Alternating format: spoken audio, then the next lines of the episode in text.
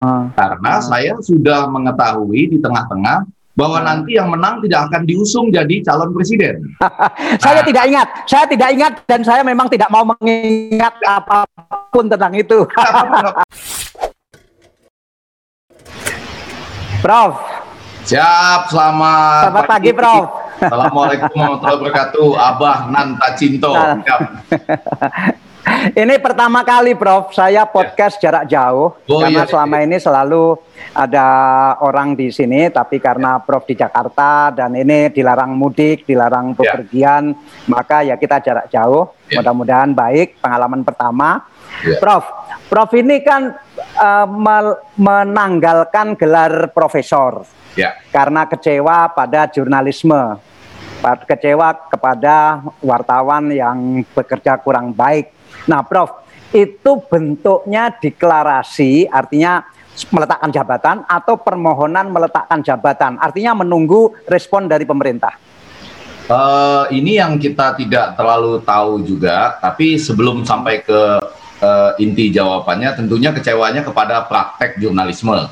Kalau sebagai praktek ilmu kan, sebagai ilmu kan dia berkembang terus ya. Justru dia ya. sedang di persimpangan jalan seperti yang pernah ditulis oleh uh, Abah dalam Iskan juga di This Way bahwa ini di tengah media baru ini sebetulnya kita sama-sama sedang mencari-cari di persimpangan jalan. Nah, balik ke penanggalan atau mengundurkan diri dari uh, gelar dengan gelar profesor itu, guru saya besar. hanya bisa melayani ya, guru besar. Saya hanya bisa melakukan apa yang bisa saya lakukan. Yang pertama, karena saya menerimanya dari LL Dikti. Wilayah 3 waktu itu diserahkan ya sebagai mm-hmm. katakanlah perpanjangan mm-hmm. tangan dari Kemendikbud waktu itu. Nah, mm-hmm. maka saya mengembalikan ke tempat yang sama, LL Dikti wilayah 3 itu di Jakarta. Pakai pos, ya. pakai nah, paket atau diantar sendiri? Diantar langsung oleh Diri. tim saya dan yang saya serahkan itu yang asli loh. Jadi saya nggak pegang yang asli lagi sudah karena SK oh. pengangkatan guru hanya ya, pegang kopinya. Eh, SK pengangkatan guru besar yang asli sudah ada di kantor LL Diki uh, wilayah 3 di Jakarta. Hmm. Nah, yang kedua karena kemudian mereka mengatakan uh, tidak apa, tidak tahu harus bersikap apa, saya baca di sebuah media massa, maka saya mengirimkan surat hmm. untuk mengundurkan diri ke Universitas Profesor Dr. Mustopo oh. Beragama. Jadi supaya prosesnya itu paripurna atau komplit. Jadi dengan mengundurkan diri, hmm. maka serta merta tentu saja gelar guru besarnya harusnya tidak bisa hmm. diteruskan lagi. Jadi sudah paripurna, sudah komplit. Jadi bukan pura-pura uh, mengundurkan diri, tapi ternyata menunggu persetujuan. Kemudian kalau nggak diterima permohonannya, ya sudah nggak begitu ini ya? Enggak, karena saya dengan kedua surat itu mestinya sudah diputus hmm. tidak bisa lagi meneruskan karena begini uh, para penonton Bisway ini, yaitu nantinya kan setiap tahun kita harus terus-menerus melakukan karya untuk mempertahankan guru hmm. besar itu. Nah, dengan pengunduran hmm. diri saya, tentunya serta-merta tidak boleh ada karya lagi yang dihitung sehingga harusnya sudah hmm. terminated, sudah putuslah gelar guru besar tersebut, gitu. Tapi pertanda yang paling nyata kan tidak lagi menerima tunjangan guru besar. Itu kan yang paling nyata. Ya. Sehingga pengen tahu juga apakah bulan depan tunjangan Ya. Uh, Aduh, minta maaf nih soalnya. Enggak, enggak apa-apa ya. Oh, ini pertanyaan penting sekali. Jadi hmm. yang harus saya lakukan hmm. dalam satu dua hari ini adalah uh, betul sekali itu saya harus ke uh, ke kantor bank saya untuk mengatakan apakah bisa memblok tidak menerima lagi dari sumber yang terkait dengan uh, guru besar tersebut. Mm. Kalau misalnya tidak bisa secara khusus menerima hanya dari satu tempat itu, maka harus tutup rekeningnya mm. dan kemudian membuat rekening mm. baru. Gitu apa? Dalam satu dua hari ini sebelum Tetap. bank tutup akan saya lakukan. tapi kan, tapi apakah selama ini uh, penghargaan atau honor sebagai guru besar itu masuk rekening khusus atau masuk rekening umumnya profesor? Uh, biasanya kita diminta membuka sebuah uh, rekening yang uh, di, dari situ nanti uh, baik honor mengajar di Universitas Indonesia hmm. maupun di Universitas Profesor Dr. Mustopo dan lain-lainnya masuk gitu. Bukan rekening pribadi. Ya. Oh. Uh, uh, tapi uh, tapi kan rekening Prof ya, Ghazali, ya, ya.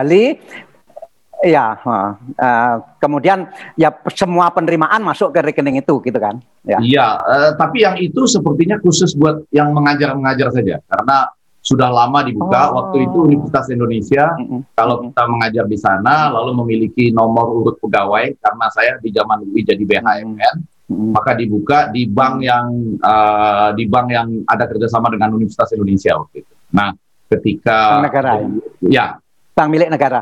Iya, bank milik negara. Lalu ketika kerjasama, eh, sudah mulai mengajar di Mustopo, juga mengalirnya ke sana. Lumayan loh, Prof, itu kan kehilangan penghasilan 25 juta sebulan ya? Enggak, enggak, enggak, enggak, belum. Belum sampai sebesar itu karena Loh, mungkin, guru besar kan 25 juta. Enggak, enggak, enggak. Saya belum sampai sebesar itu karena mungkin saya terlambat menjadi guru besar di Indonesia-nya. Lebih dulu di oh. Keju National University, visiting professor di situ selama beberapa tahun. Saya di Indonesia itu April 2019, tepatnya 4 April. Oh, 2019. baru ya? Ya, 4 April. Jadi 2019. pas setahun. Oh, uh, dua tahun. hampir dua tahun. Sudah ya, dua tahun. tahun. Sudah dua tahun. Hmm. Karena saya kemarin ya. menyerahkan kembali tepat 21 April 2009, eh, 2021. Sesudah ulang tahun kedua. Sesudah menguji disertasinya juru bicara istana, Bapak Fazrul Rahman. Oh, oh, oh disertasinya tentang jurnalisme uh, lebih tentang Komunikasi. bagaimana ini uh, bagaimana kelompok-kelompok pemilih di Indonesia. Tapi tentu ada kaitannya dengan bagaimana mereka mengekspos diri dengan jurnalisme, baik arus utama maupun media baru, gitu. Hmm, jadi selama dua tahun menjadi guru besar menghasilkan berapa doktor? Wow, uh, di atas 10 mungkin ya. Oh, ya. banyak ya? ya, ya. Dan banyak sekarang, sekali ya. Ya dan masih ada bimbingan, masih ada bimbingan, masih ada bimbingan. Karena juga juga menguji di beberapa uh, universitas lain yang saya ingat itu di Universitas Bengkulu terakhir. Hmm. Uh, Tapi tanpa gelar tanpa gelar profesor kan tetap bisa menja- me- membimbing dokter kan? Oh iya iya iya, tetap. Ya, dokter bisa membimbing dokter biasanya uh, kalau promotor dan kopromotor baru uh, diusahakan guru besar gitu. Tapi nggak ada masalah untuk membimbing hmm. baik uh, tesis maupun disertasi saya sudah berjanji akan saya lakukan sebagai pribadi gitu abang. Hmm. Oh. Jadi betapa susah menjadi guru besar, tetapi betapa mudah ini menyerahkan kembali dan ini satu-satunya di Indonesia. Tidak mudah, itu harus dibantah Abah dalam hal itu. Tidak oh gitu. Ya, uh. tidak mudah karena uh, mungkin kalau boleh tiga hal, tapi yang agak cepat aja saya mengatakan memori saya kembali ke Agustus 2013 atau tahun 2013. Waktu hmm. ini agak Abah agak terlibat nih. Waktu itu ada hmm. konvensi Partai Demokrat. Jadi ide uh. ide besar bahwa uh. untuk menuju pemilihan presiden di Indonesia selayaknya dimulai konvensi. Maka saya hmm. Effendi Ghazali waktu itu sebagai uh, pihak yang independen setuju untuk bergabung sebagai panitia konvensi tersebut. Tapi kalau. Abah ingat pada waktu itu saya juga mengundurkan diri. Kenapa Abah? Karena saya sudah mengetahui di tengah-tengah bahwa nanti yang menang tidak akan diusung jadi calon presiden. saya nah, tidak ingat, saya tidak ingat dan saya memang tidak mau mengingat apa pun tentang itu. Pak, abang tidak usah uh, mengingatnya, tapi maksud saya begini, saya sampai sekarang masih bersahabat dengan Pak SBY, sangat bersahabat hmm. dengan AHY hmm. dan seluruh teman-teman. Jadi hmm. pengunduran diri saya pada waktu itu untuk mengingatkan kalau dalam konteks uh, Derrida itu sebagai hmm. signifier hmm. Pakai petanda, sementara hmm. penandanya adalah teman-teman kelompok partai politik dan kami hmm. sangat bersahabat baik sampai sekarang. Jadi kalau hmm. nantinya di masa depan mau melakukan konvensi lagi, hmm. maka siapa pun yang menang harus diusung. Nah, tidak boleh tidak boleh menyerah untuk tidak mengusung. Nah, pok. stop, stop, stop, stop, stop, stop. Jangan sampai bicara itu lagi. Saya masuk Tapi mengundurkan diri nih ya. Ya, saya saya masuk yang kedua sama seperti sekarang, saya tidak mudah untuk mengundurkan diri, tapi biarlah saya menjadi signifier atau petanda kecil untuk melakukan dekonstruksi bahwa uh, pen, penandanya yaitu bangsa kita ini kan setiap tahun kita selalu ada itu uh, abah ada yang namanya hari pers nasional lalu ada penghargaan penghargaan ya. pers. Saya aja menjadi juri. Adi Negoro. Mm. Macam-macam saya jadi juri. Uh, ada dulu Adi Warta, kemudian sekarang Pertamina dan lain-lain. Mm. Tapi barangkali mm. harus ada juga petanda kecil untuk mengingatkan bahwa ada kegagalan pers kita loh pada saat ini di tengah fenomena dunia yang saya buat menjadi itu salah satu teori saya sebagai ya, muridnya ya. Dennis McWell, dispress. Agak mirip-mirip dengan this way itu ya. Jadi mudah-mudahan this way menjadi lawan dari dispress. Nah, yang, yang ketiga, yang ketiga karena tadi tiga ya. jadi singkat saja. Yang ketiga, sebetulnya masih banyak eh, hal-hal uh, tentang dispress ini yang harus kita pelajari. Misalnya ya. di tengah kasus saya ya, uh, Abang, kan itu ada angka 162.250 kuota bansos yang mm -hmm. dituduhkan ada pada uh, tahap pertama dan terkait dengan saya. Hmm. Angka 162.250-nya saja tidak ada. nah, maksud saya nanti kalau sudah selesai persidangan, katakanlah yeah. persidangan selesai, uh, uh. lalu tidak ditemukan sama sekali ada saya saya boleh uh, jangan bertaruh lah ya. Saya bara apa pun lah kalau ada yang bisa menemukan angka 162.250 uh. pada tahap pertama bansos itu, jangan dikaitkan dengan saya dulu. Angkanya itu ya belum tidak ada, pasti ada. Nah, maksud saya kalau saya ingin kembali pun ke guru besar saya, saya tuh nggak tahu teman-teman itu harus melakukan apa. Apakah harus minta maaf bersama misalnya bahwa ternyata Oh, kami minta maaf karena tidak ada angka 162.250 yang terkait dengan investigasi. Nah, jangan-jangan itu juga tidak ada di dalam praktek dunia pers kita. Jadi memang ini seperti sebuah jalan yang ujungnya buntu dan saya harus akhirnya menanggalkan guru besar saya dengan hati yang uh, mula-mula kecewa tapi sekarang sudah mumpung bulan Ramadan ya ikhlas dan agak banyak senyum. Abah. Kalau saya boleh menyarankan, ya. jangan punya harapan sedikit pun akan ada yang minta maaf. Ya, ya. Kalaupun nanti tidak terbukti, karena nggak tahu ya, uh, ya seperti itulah keadaan. Ya. Ini kan baru soal 200 ribu paket bansos. Ya. Saya itu di soal mengenai 4 40 triliun juga nggak ada yang minta maaf kok. Jadi nggak usah berharap ada yang nah, kalau saya malah yang saya itu. sangat sedih waktu kasus Abang dulu makanya saya datang ke sana banyak ya ada Faisal Basri, Butet hmm. Taktarde dan yang lain itu. Hmm. Macam-macam ya, ada percobaan mobil listrik juga hmm. itu jadi masalah serius gitu. Yes. udah, udah, udah, udah, udah, udah. Sekarang udah. balik lagi soal balik. mengundurkan soal mengundurkan diri, soal ya. mengundurkan diri. Ya. Uh, ingatan bangsa ini ingatan bangsa ini soal mengundurkan diri yang paling dalam adalah Bung Hatta, Wakil Presiden Muhammad Hatta. Waktu itu mengundurkan diri sebagai wakil presiden dan ya. beliau adalah orang Sumatera Barat ya. dan uh, Profesor Ghazali ini juga Sumatera Barat. Apakah itu watak uh, orang Sumatera Barat seperti itu? Waduh, ini uh, harus dilakukan kajian apa kajian uh, ilmiah ya uh, yang paling mutakhir. Tapi kalau saya ingin mengatakan saya itu pengagum berat dari hmm. Uh, Buya Hamka dan kemudian oh. juga oh. Hatta, Bung Hatta. Oh. Kalau Buya Hamka kan agak banyak sisi perlawanannya hmm. uh, dalam diam, terus menulis, kemudian petata petiti atau ungkapannya sangat tajam gitu ya. Hmm. Kalau hanya hidup sebagai apa uh, sebagai makhluk hidup saja katanya uh, kera atau buruk juga hidup gitu ya. Tapi hmm. kemudian apa yang dibuat dan lain-lain.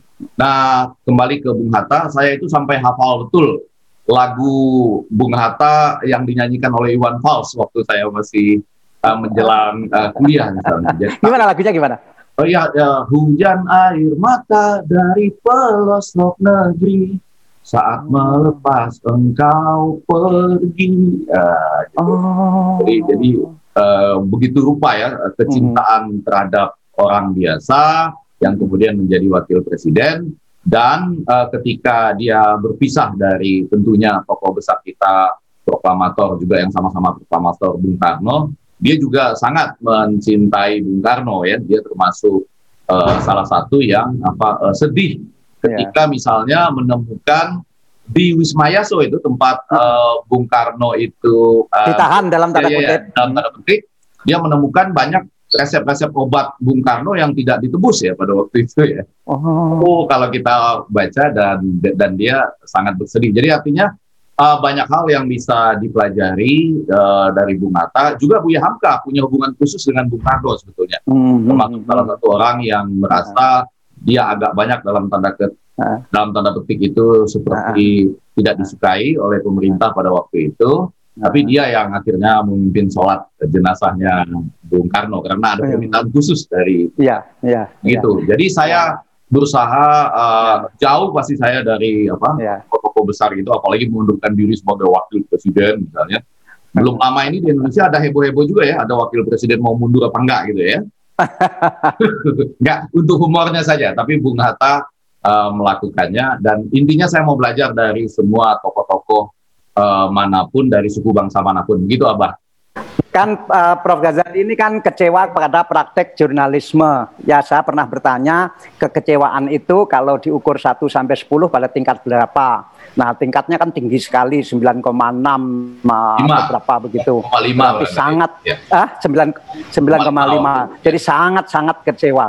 Ya. ya, sangat kecewa. Nah, tetapi kan memang sejak dulu itu kan kalau saya inventarisasikan uh, jurnalisme itu kan memang punya musuh satu penguasa, nomor dua pemodal, nomor tiga amplop, nomor tiga, nomor empat premanisme. Nah, urutan musuh itu berubah nggak sekarang ini?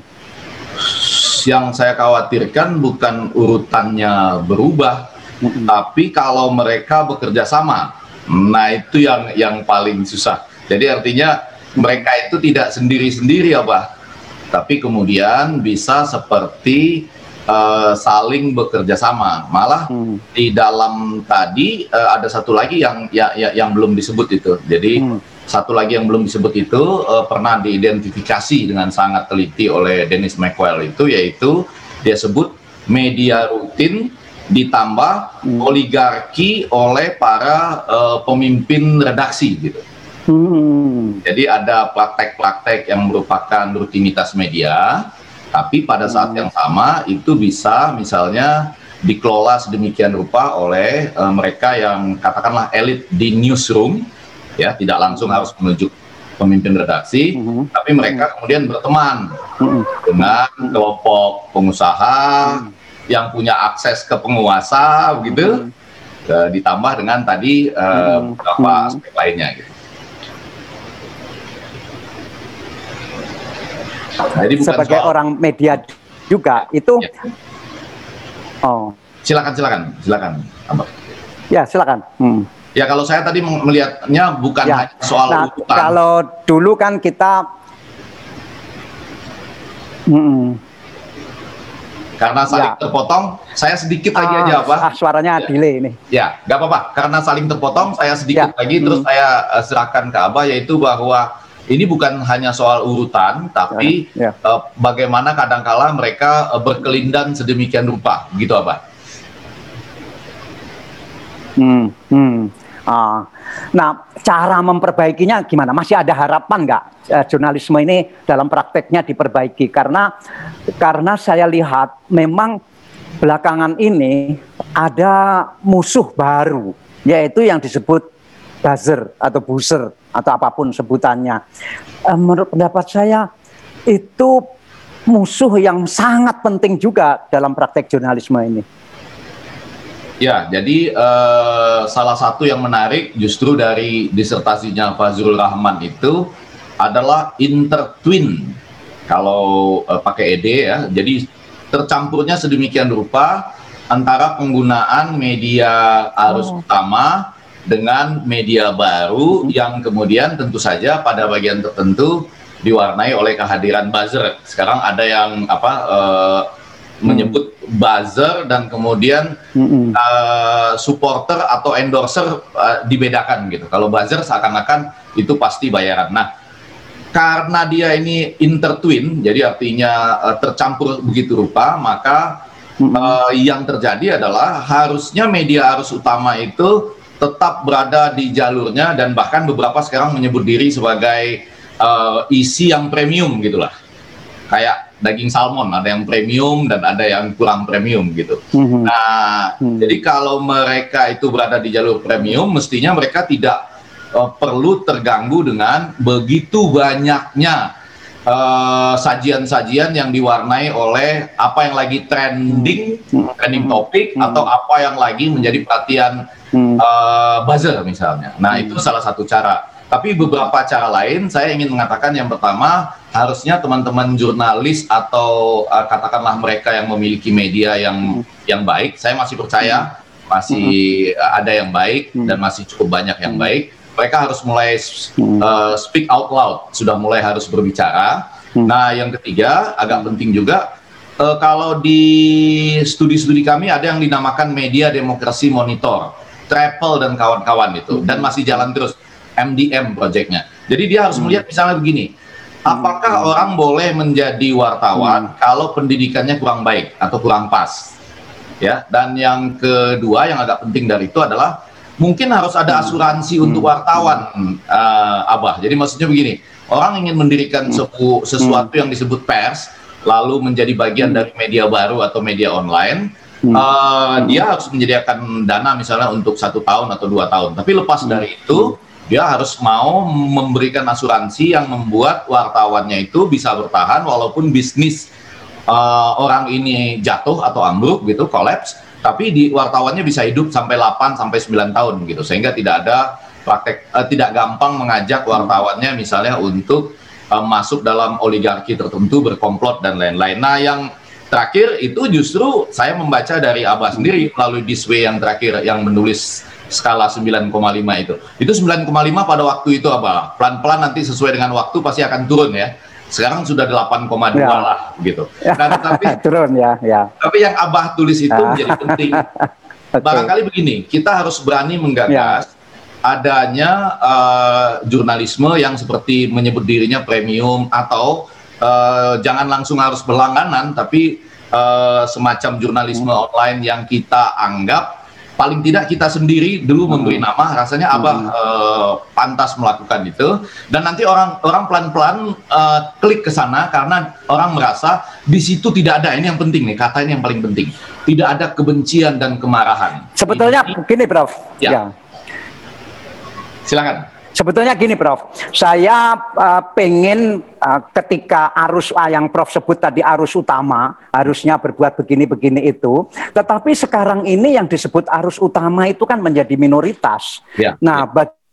bagaimana arus utama tetapi sekarang menjadi minoritas itu bisa berperan. Saya sendiri sebutnya pengen sudah saya launching bukan launching sih, ya. sudah saya kemukakan di beberapa tempat bahwa seharusnya jurnalisme surat kabarlah yang akan bisa menjadi kasta tertinggi. Saya istilahkan waktu itu agak ekstrim supaya lot tadi, supaya speak lot tadi, maka istilahnya juga agak ekstrim. Saya mengistilahkan sebaiknya wartawan surat kabar itu menjadi uh, kasta tertinggi dalam jurnalisme. Saya ingin mengkampanyekan itu. Harus dibentuk kasta-kasta sehingga ada yang kita seide dalam hal ini bagaimana?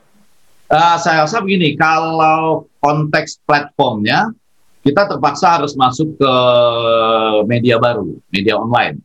Jadi walaupun hmm. Abah menyebutnya surat hmm. kabar, mungkin sudah tidak dalam bentuk printed lagi. Jadi dia akan menjadi bagian dari media online atau dua-duanya. Biasanya orang dua-duanya. Yang satu lebih pada memori sebetulnya.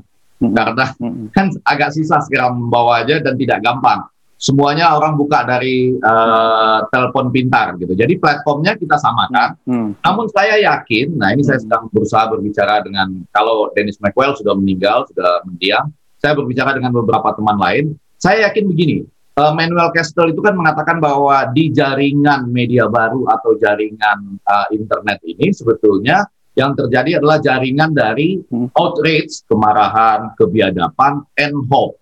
Hmm. Jadi masih ada hope-nya tapi Walaupun hmm. yang di ataskan itu atau yang lebih disebut pertama adalah outrage, out, ya kemarahan gitu. Nah, maksud masih ada saya, masih ada hope, masih ada hope. Hmm. Maksud saya, hmm. kalau kita bisa menyatakan kepada masyarakat bahwa ini adalah jaringan media baru yang sifatnya itu baik, jauh dari kebencian saja, saya yakin itu akan ada celungnya, apa? Yakin. Hmm. Karena pada satu titik menurut teman-teman saya uh, yang saya masih terus berdiskusi, itu orang ada perasaan di mana dia mulai merasa jerih. Nah, ini istilah bahasa Indonesia-nya jerih hmm. terhadap kemarahan dan kebencian. Jadi ada suatu saat di ya, mana Ya, tapi ya, ya, ya. Tapi, tapi betul-betul yang disebut arus utama tadi sekarang ini sangat minoritas.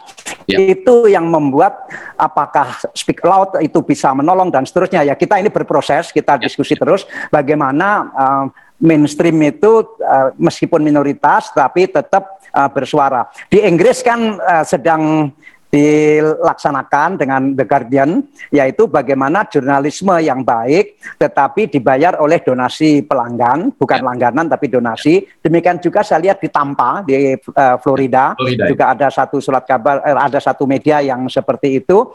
Uh, tapi kan uh, apakah itu bisa terlaksana juga di Indonesia? Bisa, bisa. Kalau kita mulai, karena uh, selalu demikian. Menurut para peneliti, mm -hmm ketika uh, dunia media kita penuh dengan outrage, kemarahan, ya, kemudian clickbait hmm. yang sensasional, kebencian, isinya juga kebencian hmm. sebetulnya. Nah, maka hmm. pada saat yang sama celung itu harus pertama-tama kata mereka diperkenalkan. Sesudah itu, hmm. maka orang harus mulai berpikir cara itulah yang bisa memperbaiki adab media kita adab ini karena sama-sama kata bi adab dan adab baru. Ya, nah, ya. kalau mereka mau mulai, jadi yang, yang pertama mengakses dulu, mengakses lalu merasa berbahagia gitu. Ya. Orang tidak dibenci, orang tidak dipertentangkan di situ, tapi fakta mengalir dan ada usulan uh, jalan keluar ya hmm. ketika ada. Nah kemudian baru tingkat partisipasi yang lebih tinggi persis seperti kata Abah, yaitu ketika orang mau mendonasikan. Saya rasa saya, Abah, dan mungkin juga teman-teman lain mau mendonasikan tidak usah besar-besar dulu, tapi kemudian hal itu bisa membuat hmm. ada media yang kita sebut apa ya eh, media baik gitulah. Hmm. Oke, okay, Prof. Uh, nah, sekarang ini apakah Prof Ghazali masih tetap mengajar jurnalisme di universitas? Jadi ada ada ada uh, ada dua bagian dari jurnalisme itu. Yang pertama tentu mata kuliah jurnalisme di mana kita Uh, dulu saya uh, waktu masih mahasiswa bersama Edward Pari dan lain-lain mengajarkan itu gitu ya, termasuk kalau mengajarkan media massa misalnya. Tetapi hmm. ketika orang mengajarkan ini yang agak penting dicatat, kalau orang mengajarkan komunikasi publik atau komunikasi politik, maka kandungan jurnalismenya antara 60 sampai 70 persen. Hmm. Kenapa, Abah? Karena oh. orang mengetahui strategi komunikasi politik maupun hmm tereksposnya masyarakat terhadap komunikasi politik itu 60 sampai 70 persen termasuk komunikasi publik itu di jurnalisme. Bahkan sebetulnya kalau belajar kehumasan pun saya rasa 30 sampai 40 persen ada di situ. Pelatihan-pelatihan jurnalistik kan saya tetap diajak. Saya pernah ketemu Abah beberapa kali ya di Bali, dengan teman-teman jurnalis dulu di Surabaya dan lain-lain.